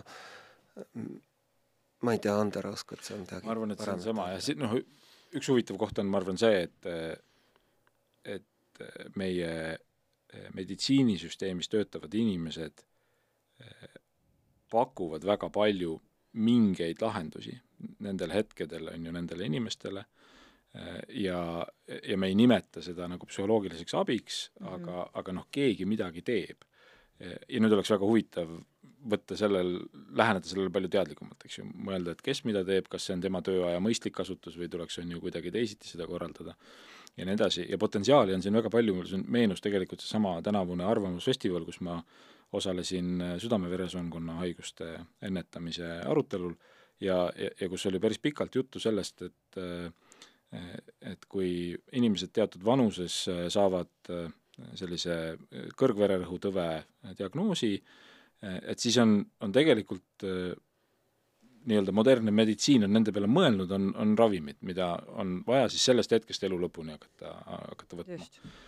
ja, ja väga paljud inimesed ei võta seda esimese selle diagnoosi peale ja, ja noh, rahva tervis, eks ole, saab väga tõsise löögi, need inimesed saavad väga tõsise löögi ja, ja põhjus noh, mulle kui psühholoogile on, on üsna nagu lihtsasti mõistetav, et see on, eks ole, kardinaalne identiteedi muutus, tervest inimesest ma pean nagu mõtlema hakkama endast kui kui haigest inimesest ja me võime noh, teatud tinglikkusega öelda, et see on, et see on vaimse tervise löök, et ma, minu identiteet, eks ole, saab pihta ja, ja, ja mul on noh, käepärane võimalus lihtsalt seda mõnes mõttes eitada, et mm -hmm. mitte hakata seda rohtu võtma, leida, leida endale usutavaid põhjendusi äh,, miks ma ikkagi veel ei ole haige. ehk siis, et üks, üks koht, see on lihtsalt üks näide, ma arvan, hästi paljudest, kus nagu hästi sihitud, läbimõeldud äh, psühholoogiline sekkumine võiks füüsilise tervise, eks ole, noh, praeguse tapja number üks nagu suunal teha täiesti märgatava äh, parenduse mis siis teha tuleks, et see, et see identiteedi küsimus nagu kaoks laualt no, ära diagnoosi saades? no üks näide võiks olla see, et, et me oleme, et meil on perearsti või siis ka selle kardioloogi, ütleme, ravifondis on mingi lahendus, et sellel hetkel, kui kardioloogi visiidil mulle see teade antakse või perearsti visiidil, siis ma saan teha visiitkaardi, kus on öeldud, et me oleme teile eelbroneerinud äh, kohtumise psühholoogiga, te võite sellest loobuda, helistage sellel, sellel numbril. midagi sellist, ma arvan, sellele ei ole nagu rohkem vaja mm. -hmm et lihtsalt oleks see nagu võimalik tugipunkt olemas, mitte et koostame brošüüri, kuidas südamehaigus pole surmatõbi, kui võtad. see, ega seda ma ka ei üldse ei alahinda, et, et võib-olla ka, kuna äh, brošüürid muidu on tõepoolest küsitava efektiivsusega, aga siin on, miks ma sellest näitest nii elevile lähen, on see, et äh, me teame, et käitumise mõjutamisel on äh, väga tõhus on see, kui sa tunned ära selle hetke, kus inimene ise otsib mingisugust pööret. Ja see on noh, nagu süsteemile teadaolev hetk, süsteem ise tekitab inimese ellu -hmm. selle hetke, kus ta hakkab otsima mingit pööret ja sellel hetkel ka info võib olla tegelikult nagu väga palju võimsam kui suvalisel hetkel antud info, nii et isegi brošüüri ma ma nagu rahastaks. aga, aga jah, see, mis ma niimoodi, kui sa küsid, et mis see ideaallahendus oleks, et see siis oleks jah, umbes selline, et me teeme mingi väikese müksu, et, et suunata inimene nendesse teenustesse, mis tegelikult on olemas mm, -hmm. ja noh, seal taga ilmselt peaks ka eelarved natuke nihkuma, et see nagu koormus on ju ära katta, aga kokkuvõttes see ei, ei ole noh, ei ole nagu raketiteadus. siin üks väike asi siiski on, mis võib-olla on isegi raskem kui raketid, eriteadus on, on see, et, et kui me nüüd müksame neid inimesi, et mine psühholoogi juurde, et siis peab olema see äh, spetsialist, kelle juures see aeg tõepoolest on võimalik kinni panna, et vot see, see on selline see on jah, jah. absoluutselt, nii, aga teine küsimus selle või eelarvamus selles plokis ehm,, seda saab nüüd ka mitmeti lugeda, aga ma loen, ütlen ta täpselt nii, nagu ta kirjas oli. kui oled vaimselt nii väsinud, siis mine magama. Mm.. tõsi jutt aga et äh, siin on ka niimoodi, et ega see uni äh, on äh, ikkagi kõige magusam siis, kui ta on püsivalt, regulaarselt samal ajal ja ja, ja kogu aeg on piisavalt. et siis on kõige parem enesetunne kokkuvõttes. see, kui üks kord kuus ennast välja magada, see nii hästi ei aita, kui see, kui see regulaarne väljamagamine. ja, ja teine asi, et kui me mõtleme, et kas see hea uni ravib meil äh, vaimse tervise probleemid ära, et siis ma arvan, et siin võiks natukene rohkem pingutada. et, äh, et siin ikkagi, kui see probleem on tõsine ja diagnoositav, et siis on vaja päriselt äh, mingit muud lähenemist, lisaks sellele unele, mis ilmselt tuleb ka kuidagi korda saada, aga, aga siin, aga et kui see probleem juba on tõsine olemas, siis tuleb sellega ka tegeleda. et see hea uni, liikumine ja, ja, ja tervislik toitumine, see vaimse tervise mõttes pigem on ikkagi ennetus ja ja et ta võib olla selles raviplaanis nii-öelda täiendava komponendina, et see kindlasti aitab kaasa selles mõttes, et ta kas või aitab seda positiivset muutust äh, alal hoida, mis on hästi äh, oluline ja aitab võib-olla ähm, saavutada selliseid kasulikke harjumusi, mille tõttu võib-olla hiljem need probleemid, kui nad, kui nad peaksid tulema, et siis võib-olla vähemasti nii palju, et inimesel on see puhver, kuhu siis need natukene rohkem probleeme ära mahub kui, kui muidu. aga et see ei ole ravi üldjuhul või see ei ole nagu ainuke ravikomponent mm. -hmm. aga siis ootab meid äh, fantastiline järgmine plokk kus me läheme siis juba konkreetsete häirete juurde ja nagu härrased enne meie vestluse algust rõhutasid, et siis äh, kuna te kliiniliste psühholoogidena ei praktiseeri kumbki, siis ähm, võib juhtuda, et mõne küsimuse juures äh, me ei oska päris ammendavat vastust anda, kui me konkreetsetest häiretest räägime, aga vaatame, mis me, mida me teame. Ähm, ja esimene ilmselt kõige levinum ja tuntum äh, mure, depressioon ja depressiooni kohta levinumad eelarvamused olid siis, et depressioon tähendab ainult seda, et oled kogu aeg kurb ja ei taha midagi teha. depressioon on lihtsalt paha tuju, depressioon on laiskus, kui sul on depressioon, siis sa oled lihtsalt emo ja tahad tähelepanu. depressioon on haigus, mitte valik, noh, siin on inimene siis juba ise püüdnud ümber lükata mm,. depressiooni ravimiseks on vaja ainult intensiivset füüsilist koormust. kuidas kõlab? oh, siin on nii palju nurki, kust äh, pihta hakata, mulle jäi kõrvu see füüsilise koormuse nurk, et äh, lihtsalt hiljuti on teadus uudisvoogudest läbi käinud leiud sellest, kuidas füüsiline koormus tõepoolest on väga kasulik viis, kuidas depressiooniga toime tulla, noh, siin minu jaoks jääb kuidagi silma see, et, et ma olen nõus ka selle inimesega, kes siis selle RHK kümne definitsiooni taandab, noh, põhimõtteliselt nagu kahele olulisemale asjale, et, et ei ole, ei ole tuju ja ei ole tahet. et, et inimesele, kellel ei ole tahet öelda, et kuule, aga jookse, on, on selles mõttes selline otstarbekas lähenemine, jah. et depressioon nagu selles mõttes mulle viimasel ajal just nimelt ka selle nagu teadusuudiste voo, voos supeldes silma jäänud kui, kui suurepärane näide vaimse tervise häirest, mis, mille saamislugu või olemus on nagu keerulisem, kui me võib-olla arvata oskasime, et, et hiljuti on, on ilmunud üks ülevaateartikkel, mis küllalt veenvalt lükkab ümber serotoniini kui neurotransmitteri siis noh, nagu tasakaalutuse rolli depressiooni tekkes, et noh, küllap, et nii nagu Ken ütleb, et, et see, mis me oleme, on, on peas ja peas on aju ja ajus on neurotransmitterid ja ja loomulikult serotoniin nende seas mingit rolli mängib, aga, aga lootus, et et me võiks, võiks mõelda depressioonist noh, umbes nii, nagu me võib-olla äh, saame teatud tüüpi diabeetides rääkida mingist insuliini regulatsiooni häirest, et depressiooni puhul saab rääkida neurotransmitterite regulatsiooni häirest, et, et see on lootusetult äh, nagu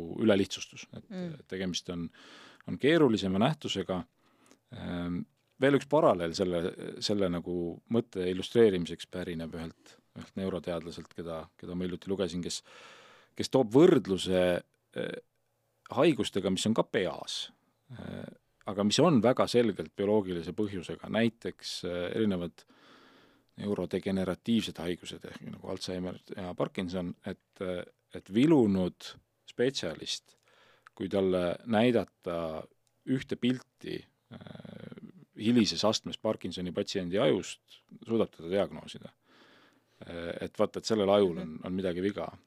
ja nüüd viimase kahekümne, kolmekümne aasta jooksul on, on neuroteadustes investeeritud miljardeid sellesse, et, et depressiivse aju põhjal, erinevate parameetrite põhjal sealt ajust, et on see elektriline aktiivsus, on see mingite piirkondade suhteline aktiivsus, on see, on see seesama neurotransmitterite mingid tasakaalud, et selle põhjal jõuda noh, sellise diagnostilise testini, millel oleks kasutusväärtus, mille õiged ja valed vastused jaotuksid niimoodi, et, et kui me ta võtame ühe inimese peal kasutusse, et siis ta teeb nagu rohkem head kui halba.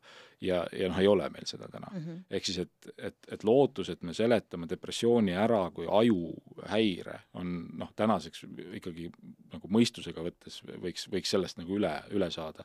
et tegemist on psüühikahäirega ja aju loomulikult, eks ole, on on psüühikat võimaldav äh, bioloogiline nähtus, aga, aga psüühika on täiesti iseseisev kirjeldustasand. noh, et üks võib-olla natuke robustne metafoor on niisugune riistvara ja tarkvara äh, metafoor, eks ju, et et kui ma tean, milline on arvuti riistvara, et siis, äh, siis ma üht-teist tean tema tarkvaravõimekuste kohta, aga kaugeltki mitte kõike, et üks ja sama arvuti võib jooksutada väga-väga-väga erinevaid tarkvarasid ja, ja kui probleem on tarkvaras, et siis tasub teda seal nagu analüüsida.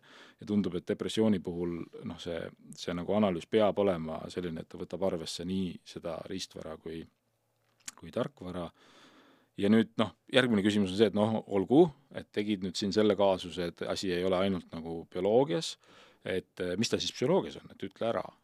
ja, ja siin selgub, et ma ei, ma ei saa seda öelda, sellepärast et ka psühholoogias või, või psüühika tasandil ta ei kipu olema nagu kõikidel inimestel noh, üks ja sama asi, et, et, et võiks ju olla niimoodi, et jah, et sul on, sul on lapsepõlvest pärit äh, tuumuskumus, et sa ei ole midagi väärt ja kui sul see on, siis on depressioon, kui sul seda ei ole, siis ei ole depressioon, et, et ei ole nii, et on terve rida inimesi, kellel on on tuumuskumused madala väärtuse kohta, kes ei koge depressiooni ja on terve rida inimesi, kes kogevad depressiooni, kellel võib-olla just sellist nagu tuumuskumust ei ole. ja, ja üks noh, nagu lahendus sellele probleemile on see, et et eh, depressioon ja, ja siin ma tõesti mõtlen depressioonist nagu natuke prototüübina, et ilmselt ka paljud teised niisugused noh, nagu raskemini defineeritavad psüühikahäired võivad olla sarnased, et et samasse punkti on võimalik jõuda nagu mitut teed moodi. et võib-olla üks paralleel on, on see, et kui, kui ma ei tea, meil on mingisugune järv, millesse tuleb palju ojasid, et, et see, et see järve tase ületab mingi piiri, et noh, depressiooni puhul äh, ilmselgelt inimese toimimine on mingis mõttes häirunud, eks ole, mingi piir on ületatud, aga nüüd see, mis põhjustas selle piiri ületamise, et kui, et niikaua, kui sinna järve on, on mitmeid ojasid voolamas, siis, siis neid võimalusi on mitmeid, võib-olla tuli kõik üks, ühest ojast, võib-olla tuli igast ojast hästi natuke. see on väga huvitav käsitlus ja selle artikli, millele sa selle mõttekäigu alguses viitad, võiks me kindlasti siia juurde linkida mm. -hmm. see depressioon kui silt, eks ole, natukene eh, on ka selline järelemõtlemist vääriv küsimus, et kas oletame, et meil on siin kaks inimest, kes on täpselt, käituvad ühtemoodi ja, ja on natukene murelikud ja, ja mõnikord ei jaksa midagi teha ja nii edasi. ja siis üks saab diagnoosi ja teine ei saa. ja, ja siis me vaatame, mis neist edasi saab, et kas see, kas see alati on nagu, aitab, et me defineerime selle diagnoosina või mm. siis ta võib mõnikord teha ja, ja mismoodi jõuda selleni, et ta pigem aitaks, kui, kui siis teeks nagu kahju sellele. ja, ja et võib-olla inimesel endal pigem ei ole nagu neid diagnostilisi kategooriaid väga palju mõistlik enda peale rakendada, et noh, me tudengitena kindlasti, ma arvan, et ei ole ühtegi psühholoogia tudengit, kes ei oleks neid F-tähega kategooriaid nagu lugedes avastanud vähemalt kolme-nelja, mis tal kindla peale on, ja siis veel kümmekond, mis võib-olla noh, ohustavad või, või ähvardavad teda. aga et kui me hakkame mõtlema, et see on haigus näiteks, et ühtpidi on, on õige selles mõttes, et, et me ei saa mm, ütleme, et, et need on asjad, mis, mis ei ole ju päriselt inimese kontrolli all, ta ei saa istuda maha, öelda, et nii, nüüd mul on depressioon läbi ja ma hakkan nüüd õnnelikuks, eks ole. ja, ja, ja kõik mu elu on nüüdsest peale korras. aga et kui me ütleme, et see on haigus, siis see just nagu ka viitab sellele, et mitte midagi teha ei saa ja, ja et ma ise ei saa midagi teha. Ja, ja võib-olla isegi see viitab sellele, et ma pean võtma rohtu. Ja et kui ma rohtu ei võta, siis ma olen haige edasi. Ja kui ma võtan rohtu, siis see on nagu piisav selleks, et terveks saada. ja siin on nagu mitu asja, mis on selles mõttes halvasti, et et üks asi, et tegelikult see rohi nüüd depressiooni puhul ei pruugi alati olla vajalik. Ja teiseks, et ta äh, et siiski, kui, kui inimesel igapäevaeluga on midagi juba vussis, et siis ta ei pruugi ise suuta nende lahendusteni jõuda ja seal, see on see koht, kus see rohi ei aita näiteks. siin nüüd ühed äh, depressioonist äh, ütleme siis nii, Anna-Kaisa Oidermaa käis meil ka äh, nüüdseks juba mitu episoodi tagasi külas onju ja rääkis, kui nad peaasjadega alustasid onju, et kui nad kümme aastat tagasi üldse hakkasid vaimsest tervisest rääkima, siis keegi, kõik ütlesid, et see see ei ole oluline, keegi ei taha sellest kuulda. tänaseks me oleme sealmaal, kus äh, seda sisu on väga-väga palju ja nagu ka Arvamusfestivalil vist kas Heidit Kaio väljendas, et noh, et keegi ei viitsi enam depressioonist lugeda, sest kõik teavad juba, mis see on ja nüüd on palju huvitavamad siis sellised noh spe,, mingid spetsiifilisemad äh, häired. ja mulle tundubki, et seda teavitustööd on tehtud nagu nii tublisti et äh, võib-olla meil ongi illusioon ühiskonnas ja ma arvan, et ka võib-olla esmatasandi arstiabis sellest, et me kõik teame jube hästi, mis see depressioon on, kõik oskavad seda diagnoosida, kõik oskavad seda ravida, aga et ähm, tõepoolest, kui üha enam räägitakse ikkagi sellest, et märgatakse, et ta ilmneb nagu komorbiidsusena, noh, päris sümptomiks teda nimetada ei saa, on ju, aga et mul oli väga huvitav kuulata seda, kui palju komplekssem saab see käsitlus olla. nii et äh, aitäh teile selle mõttekäigu eest ma ei oska midagi öelda, ma mõtleks kohe edasi, aga aeg surub takka, nii et me peame kuhugi natukene veel teiste teemade juurde ka jõudma. võtame järgmise häire. ärevushäirega inimesele öelda, ära lihtsalt mõtle üles, sa teed ise oma mõtetega selle hullemaks. kas seda katsime juba eelmises, eelmistes teemades rumineerimise küsimusega või saame siin vaadata ärevushäire spetsiifiliselt? no võib-olla ärevushäire on nagu hea näide sellest, kui jabur see nõuanne saab olla ja kui väljakutsuv on hakata seda äh, mida ma ennist nimetasin tõlgenduseks, kui väljakutsuv on hakata seda endas analüüsima, sellepärast et see võib olla väga-väga automaatne ja, ja ärevus on selles mõttes, ma arvan, nii emotsioonina kui siis ka sellise üle, üleküllase määrana nagu hea näide sellest, et kui sa räägid inimesega, kes kardab lennukiga lennata, et mm -hmm. tood talle kõik need statistika ette, eks ju, et et küsimus ei ole selles, et ta ei teaks seda statistikat või et ta ei usuks seda statistikat, vaid küsimus on selles, et tema är-, ärevus ei, ei, ei tea või noh, nii-öelda ei usu ehm, ja, ja põhjus on, on selles, et selle olukorra sellist äh, emotsionaalset tähendust suudab meie aju lahti hammustada äh, ka väljapool sellist nagu sõnastatud ja teadvustatud tasandit. ja, ja, ja sellepärast jah, selle äh, ärevuse, ärevuse, ärevushäire, eks ju, need psühhoterapeutilised ravilähenemised kombineerivad seda, et ma noh, natukene tõesti äh, sobran oma mõtetes, aga et ma hakkan ka oma kogemusi üle kirjutama, et, et see automaatne süsteem, mis maailma seirab, et tal oleks kogemuste pagas äh, selline, mis näitab, et noh, need asjad, mis ei ole päriselt ülemäära ohtlikud, tõesti ei ole ohtlikud. aga selle täienduseks äh, kohe ehk oskab Ken vastata, äh, lihtsalt hinga keset paanikahoogu. rahune maha, muretse vähem, kas paanikahoos lihtsalt hinga aitab? Võib juhtuda, et on mingi spetsiifiline hingamisharjutus, mis aitab. ma isegi ei oska öelda, ma arvan, et seda peaks ka targematelt küsima, et ei ole välistatud, et, et on selline harjutus ähm, aga et üldiselt siin on vist sama asi, et seda hingamisharjutust tuleks ikkagi enne seda paanikahoogu harjutada ja et kui ta siis on nagu, eks ole, selle äh, targema inimese käe all nagu selgeks õpitud, et siis ma arvan, et inimesel on üks tööriist, mida ta saab siis kasutada. aga et, et kui tal on selline juba nagu akuutne mure,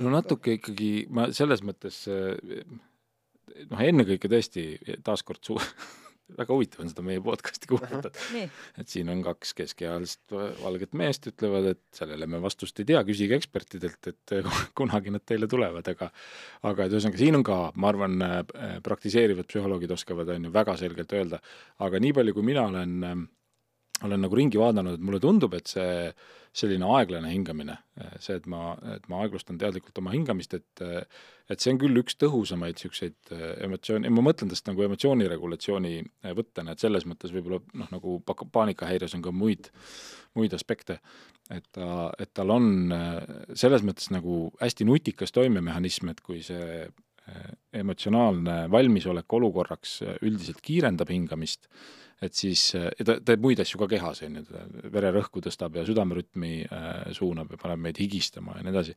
Neid ülejäänud asju me ei saa tea-, ta-, tahtlikult kuidagi mm -hmm. juhtida, eks ju, et noh, et katsu sa nüüd mõelda, et mu langeta vererõhku. just, süda lööks aeglasemalt. aga hingamist saab.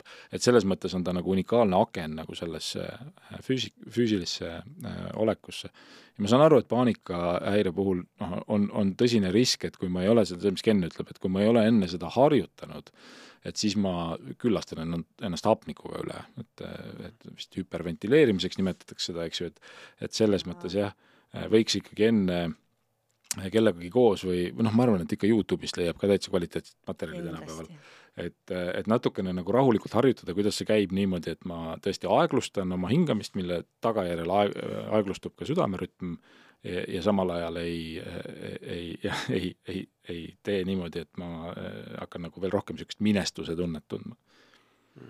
okei okay siin plokis oli üks teema, mida me leppisime kokku, et me vist ei puutu, sest et meil seda ekspertiisi ei ole, aga see käis enesevigastamise kohta, see läheb siis praegu samasse kategooriasse teemadega, mis meil siit üles jäid, nagu skisofreenia ja söömishäired, mida me saame tulevikus adresseerida. aga sellest plokist viimane käib ATH kohta ja tsiteerin. Teil on ATH, tänan, ma ei soovi seda diagnoosi. teiseks, et sa ei, äh, et sa ei suuda keskenduda normaalselt, ei tähenda, et sa ei suuda keskenduda. ja inimene on alla kirjutanud, et tema on ATH noor. ja viimasena, kõik on natuke ATH-d mm. -hmm no hästi palju viimasel ajal ühiskonna teadvusesse tõusnud häire, millest väga palju räägitakse, aga olgem ausad, tõenduspõhist informatsiooni on suhteliselt vähe, pigem on kogemuslugusid. Eh, eestikeelsena sellist ehm, nagu infot leiab suhteliselt vähe. aga väga levinud küsimus, kas seda diagnoositakse üle või alla, kas on nii, et kõik on natukene ATH-d ja nüüd on hakatud hirmsasti diagnoosima? no Eesti kohta on lihtne öelda, et pigem see eh, ATH diagnoosimine täiskasvanutele on pigem uus asi, ehk siis me võiks öelda, et praegu on raske öelda, et teda ülediagnoositakse, pärast et lihtsalt neid äh, spetsialiste ei ole nii palju, kes seda diagnoosi jõuaks panna.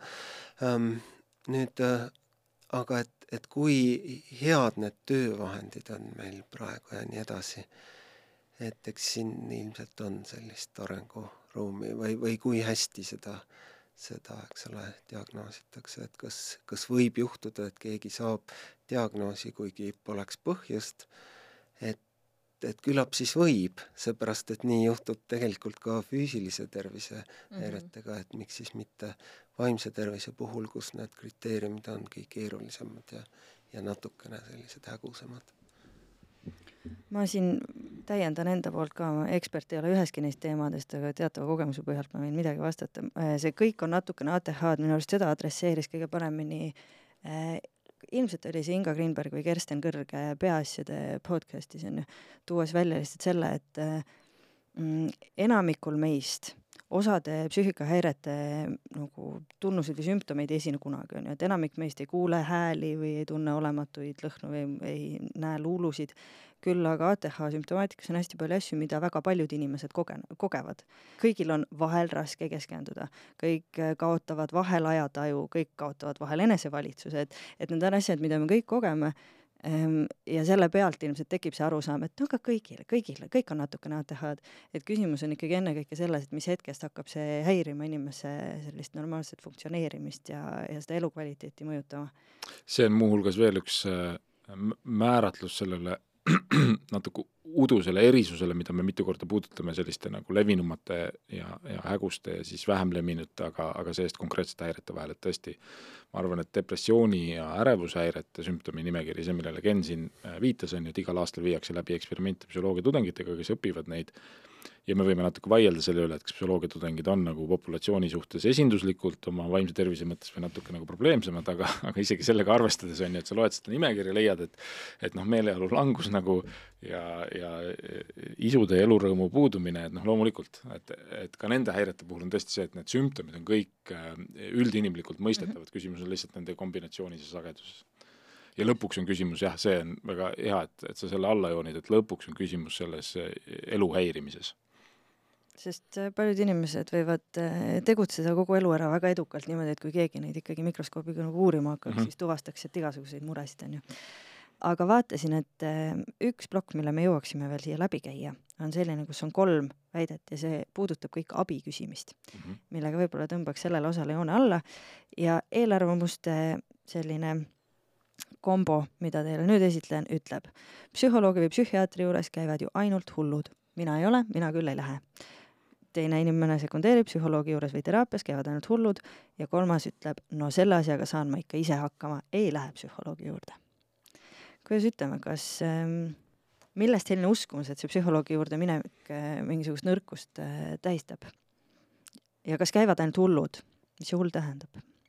me oleme osaliselt sellest rääkinud ka, noh, ma arvan, et see selles mõttes on äh, mõistetav, et, et see kogemus ei ole äh, meeldiv, äh, kui ma jõuan punkti, Äh, kus ma ei saa ise oma äh, vaimuga enam hakkama, et, et, et selles mõttes ma arvan, see ajalooline stigma on, on nagu pärit sellest ajast, et, et vot, et see inimene küsib abi, järelikult ta ei ole enam noh, ise, iseenda nagu peremees või perenaine. Ehm, ja, ja sellele noh, õnneks on see rohi, kui me natukene nüüd noh, laiendame seda ampluaad, et millal abi küsida, et see, et see hetk, kui sa tunned, et ma tõesti eh, ei suuda seda taldrikut, on ju, vastu seina viskamata jätta, et, et see hetk abi küsimiseks on ka väga hea hetk, aga võib-olla varasemad hetked oleksid olnud ka nagu ampluaas.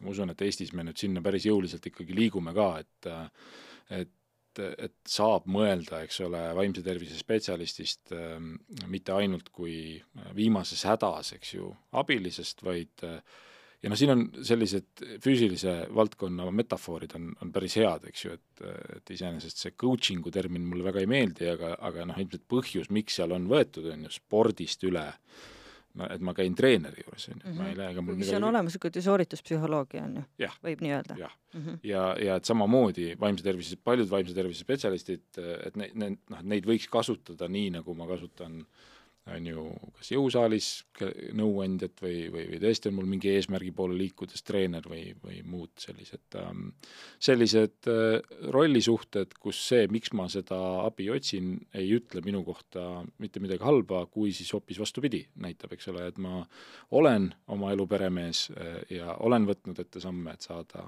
saada paremaks mm. -hmm õnneks nii palju, kui mul inimesi siin laua taga käib, siis inimesed ikkagi, ütleme spetsialistid ikkagi nendivad üsna ühehäälselt, et olukord on väga oluliselt paranenud ja ja see nõukogudeaegne stigma, kus äh, meie diagnoosi kasut-, diagnoose kasutati inimeste stigmatiseerimiseks ja mis siis äh, või kuidagi diskvalifitseerimiseks tegelikult, et äh, et see on õnneks kadumas. ja hüppame me edasi äh, sellesse kohta, kus see jätkuvalt veel kehtib, sest keegi on siiski pannud kirja, mis mõttes arvatakse ikka veel, et psühhiaatria kliinikus hoitakse inimesi kinni. kas hoitakse kinni? mina jälle ei tea. mis juhtub, kui ma üle selle ukse lähen? tähendab, see võimalus, et ähm, tahtevastane ravi mhm. on ju ilmselt olemas, ma ei tea sellest kuigi palju, aga aga ma üldse ei välista, et, et psühhiaatriakliinikus võiks olla mõni patsient, keda ke,, kellel nagu ei ole vabadust sealt välja minna mm. -hmm. aga tahtevastast ravi selleks, et sulle seda osutatakse, eeldab ikkagi väga ilmselt seda, et sa oled ohtlik. Endale või teistele jah, selles mm -hmm. mõttes see on ikkagi, on ju suitsiidikatsega ja, ja võib-olla söömishäirete ja võib-olla siis teatud on ju skisofreenia akuutsete faasidega, kus seal see on võtnud sellise kuju, nii palju kui mina olen aru saanud ja ma küll jah usun, et see on äh, reglementeeritud niimoodi, et ta oleks ikkagi üks viimaseid, äh, viimaseid variante. siin vist on ikkagi ka kohtuotsust vaja. jah, aga aga üldiselt, üldiselt ikkagi enamus patsiente psühhiaatriakliinikus äh, on ambulatoorsed, ehk siis käivad kodust aeg-ajalt äh, kohal ja, ja et äh, pigem on probleem selles, et neid voodikohti on liiga vähe, ehk siis et, et juhul, kui tuleb see kooliõpilane, kellel on väga akuutne probleem, ja, ja tal tegelikult oleks kiirelt abi vaja ja siis ta vaadatakse üle ja saadetakse õhtul koju, kui olukorras, kus teda tegelikult tema päris vajadus oleks see, et tal natuke aega oleks seal kohapeal, et, et vaat see, see mure on küll olemas, jah mm. ma võtan korra selle tahtest äh, olenematu ravi ette, ütleme, mis see korraldus on, et äh, vaatame siis läbi Äh, haiglasse saabudes teostab valvearst arstliku läbivaatuse ja teeb otsuse tahtest olenematu ravivajaduse kohta. Äh, sellest otsusest teavitab valvearst teid kohe ja võimalusel teie lähedasi või seaduslikku esindajat kaheteist tunni jooksul peale otsuse vormistamist. hiljemalt kahekümne nelja tunni vältel hinnatakse teie seisundit uuesti teise psühhiaatri poolt ja kui siis püsib vajadus tahtest olenematu ravi jätkamiseks, koostab psühhiaater arvamuse ja vastavad dokumendid saadetakse Tartu maakohtusse Äh, ja üle neljakümne kaheksa tunni tohib see, selline ravi kest-, kesta ainult kohtu loal ning kohtumääruse alusel mm.. ehk siis me räägime mm-hmm. ikkagi mm -hmm. Väga spetsiifiliselt reglementeeritud äh, juhtumitest. ja hüppan siis meie viimase küsimuseni. jaa.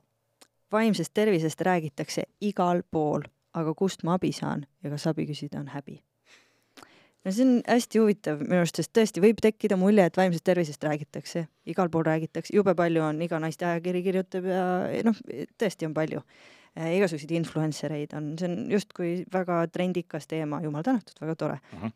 küll aga kui me küsiksime, ma kahtlustan, et kui me teeksime tänavaküsitluse, et mida teeb psühhiaater, mida psühholoog näiteks kas inimesed oskaksid sellele vastata neid? ja noh, et, et kas kogu selle infovoo juures, kas me saame aru sellest, et kust abi otsida, millist abi me vajame ja kust seda leida? abi ju esimesena, eks ole, kui inimene otsustab, et ta ise juba enam hakkama ei saa. Et siis no üks võimalus on alustada perearstist. ja, ja iseenesest perearstil on oskused ja, ja, ja kompetents siis paljude psüühikahäiretega toime tulla või selle puhul inimest aidata. et me võime mõelda, et, et aga, et, et on keegi, kellel on lihtsalt probleem, et ta ei arva, et tal oleks vaimse tervisega midagi lahti, aga lihtsalt tahaks nii-öelda paremale järjele jõuda selle vaimse tervise mõttes.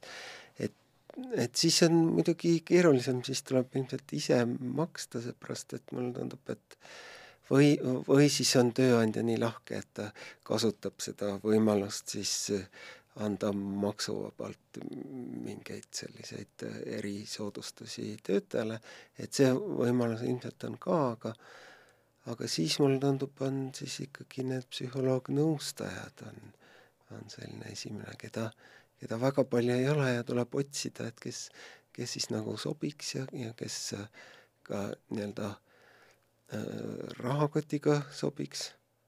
jaa, no mulle tundub, et see on nagu hea probleem, mida omada, nagu sa viitasid, on ju, et, et võib-olla viis aastat tagasi oli meil veel see stigma probleem, aga, aga et see on probleem sellegipoolest, et see nüüd noh, vajab mingit lahendust, et, et inimene on ikka päris suures segaduses, kui ta, kui ta seda abi otsib, noh veel mingid nagu praktilised soovitused, ma arvan, usaldustelefonid on, on Eestis veel hästi toimivad ja, ja, ja noh, neil inimestel on aega Äh, peaasi, eks ju, ähm, ja, ja noh, probleem, ma arvan, on, on ka selles mõttes noh, täitsa tõsine, et, et äh, samal ajal noh, saadab ju foonina noh, nagu avalikus ruumis teave sellest, et et perearstid on ülekoormatud, psühholoogid on ülekoormatud ja nüüd, kuidas üks viisakas normaalne inimene sellele reageerib, on see, et noh, ma ei tea, et varbaluu mõra, et ega EMO-s, noh, neil on tähtsamatki teha, eks ju.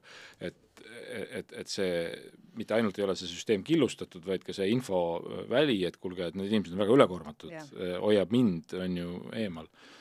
ja, ja see on nagu ühelt poolt on see selline noh, nagu regulatiivne probleem, mille suunal noh, riik teeb kogu aeg samme, eks ju, et, et, et puhastatakse need, natuke neid termineid ja parandatakse rahastust, et et äh, kliinilised psühholoogid, psühholoogid, nõustajad, eks ole, erinevad kutsed, et kutsega inimesed äh, oleksid äh, oodatumad erinevates töökohtades ja nii edasi. ja, ja noh, teiselt poolt on see noh, see on peaaegu et nagu niisugune infotehnoloogiline probleem, et noh, keegi lihtsalt peab selle äpi ära tegema, et äh, jah. Ja seda on ma... nagu katsetatud ka, eks ju, et ma usun, et varsti, varsti keegi lööb läbi. Sest et ma pean tunnistama, et ma olen, noh, ma ei tea, võib-olla nüüdseks on see olemas, aga mina oma üsna pika vaimse tervise teekonna jooksul ka kahekümnendates ja arvestame, et ma olen noh, mingi magistrikraadi suutnud endale ära teha ja ikkagi justkui kõrvalt vaadates enam-vähem eluga toime tulnud, eh, kui raske oli orienteeruda selles, kuhu, kelle juurde ja kõik, ja ma kogu aeg mõtlesin, mul oleks lihtsalt vaja sellist puud. see mhm. mahuks ju nagu ühele leheküljele, kus ta, mis on võimalikud alguspunktid, kuhu sa sealt edasi jõuad, kes on sama tasandi spetsialistid.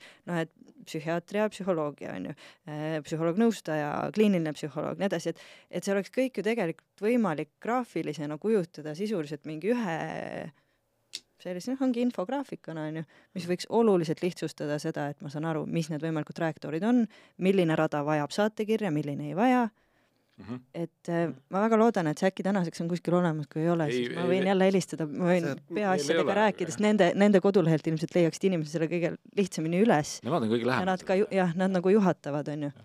mõttetasandil see asi on olemas ja me, vist mitte äpina, vaid, vaid ikkagi see mõte oleks see, et, et on üks spetsialist, kes koordineerib seda inimese nii-öelda raviteekonda.